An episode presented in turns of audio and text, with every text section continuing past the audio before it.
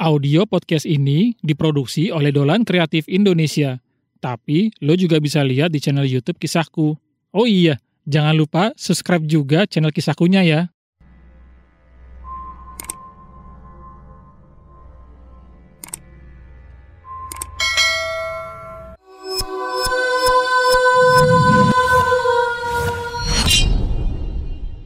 Hai, kenalkan, namaku Susi. Usiaku 28 tahun. Aku menikah saat usiaku masih 21 tahun. Dan aku sudah dikaruniai empat orang anak. Sudah enam bulan ini, suamiku meninggalkan kami untuk selamanya. Dan inilah kisahku. Aku selalu tak sanggup melihat kesengsaraan yang keluargaku alami. Aku ingin bekerja untuk keluarga. Namun, aku tak pandai bekerja karena aku hanyalah lulusan SD. Iya, aku sadar dengan ijazah SD, mana ada perusahaan yang mau menerimaku. Suatu ketika, aku dan teman lamaku mengadakan reuni di sebuah kafe. Iya, aku bisa ikut karena sahabat baikku mau membayarkanku. Kalau enggak, mana mungkin aku bisa pergi. Dan banyak sekali pria yang menatapku begitu tajam. Tiba-tiba, ada seorang laki-laki yang menghampiriku saat aku ingin pergi ke kamar kecil. Tanpa ragu, ia langsung membisikkan bujuk rayunya ke telingaku. Hai nona cantik, maukah kamu berkencan denganku? Bisik pria itu. Aku pun mencoba menghalaunya, tapi ia terus mendekat dan menggodaku. Dengar-dengar, katanya kamu lagi kesusahan ya? Aku bisa loh memberikan apa pun yang kamu mau, asal kamu mau menemaniku, ujarnya. Ini nomorku, kalau kamu sudah siap, hubungin aku ya kata lelaki hidung belang itu. Sesampainya di rumah, anakku menangis kelaparan. Aku pun mencoba datang ke warung untuk menghutang, tapi mereka menolak karena hutangku sudah terlalu banyak. Aku sudah bingung harus bagaimana lagi untuk menghidupi keluargaku. Tiba-tiba, aku teringat dengan lelaki hidung belang yang berusaha menggangguku tadi. Tanpa pikir panjang, aku mencoba menghubungi lelaki hidung belang tersebut dan aku pun menerima tawaran darinya untuk menemani dirinya besok malam. Ia menjemputku dengan mobil mewahnya. Selama di perjalanan, ia sudah mulai meraba-rabaku. Hatiku pun hancur.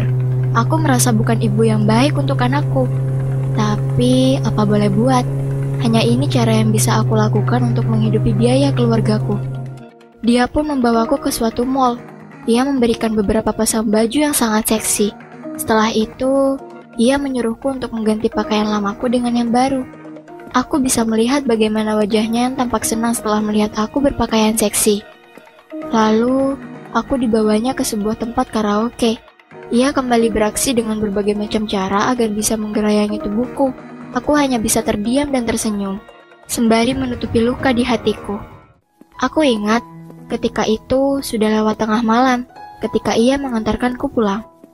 Aku pun kembali berpakaian biasa agar orang rumah tak curiga dengan apa yang aku kerjakan di luar. Tak lupa, ia memberikan upah yang begitu banyak kepadaku. Keesokan harinya, aku pun belanja begitu banyak makanan, dan tak lupa membayar semua hutang-hutangku. Tampak semua orang yang berada di sana terkejut melihatku bisa melunasi hutangku. Eh bu, kok dia gak kayak biasanya ya? Lihat tuh, belanjaannya banyak banget. Jangan-jangan bisik ibu-ibu yang ada di sampingku. Aku pun langsung pulang dan coba tak menghiraukan mereka. Anak-anakku tampak senang melihatku membawa banyak makanan. Mereka pun makan dengan lahap. Mah, besok makan enak dan banyak lagi ya, Mah, ujar anakku. Aku pun hanya bisa menjawab dengan senyuman. Semakin ke sini, aku semakin nyaman dengan pekerjaanku ini. Aku tak memperdulikan apa pun. Yang aku pikirkan hanyalah kebahagiaan keluargaku saja. Hingga suatu ketika, aku pernah bermalam di sebuah hotel dengannya. Ia pun semakin ganas. Bahkan, kita sampai berhubungan badan. Setelah satu bulan, aku positif hamil. Aku pun langsung memberitahu dia. Namun, ia menyuruhku untuk menggugurkannya. Aku pun meminum banyak obat agar kandunganku bisa gugur.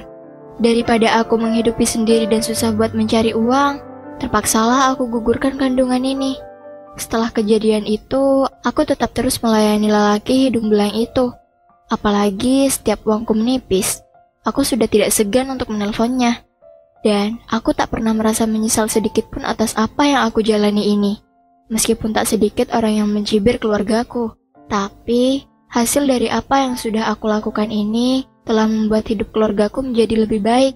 Dan kami pun bisa membeli apa saja yang kami mau.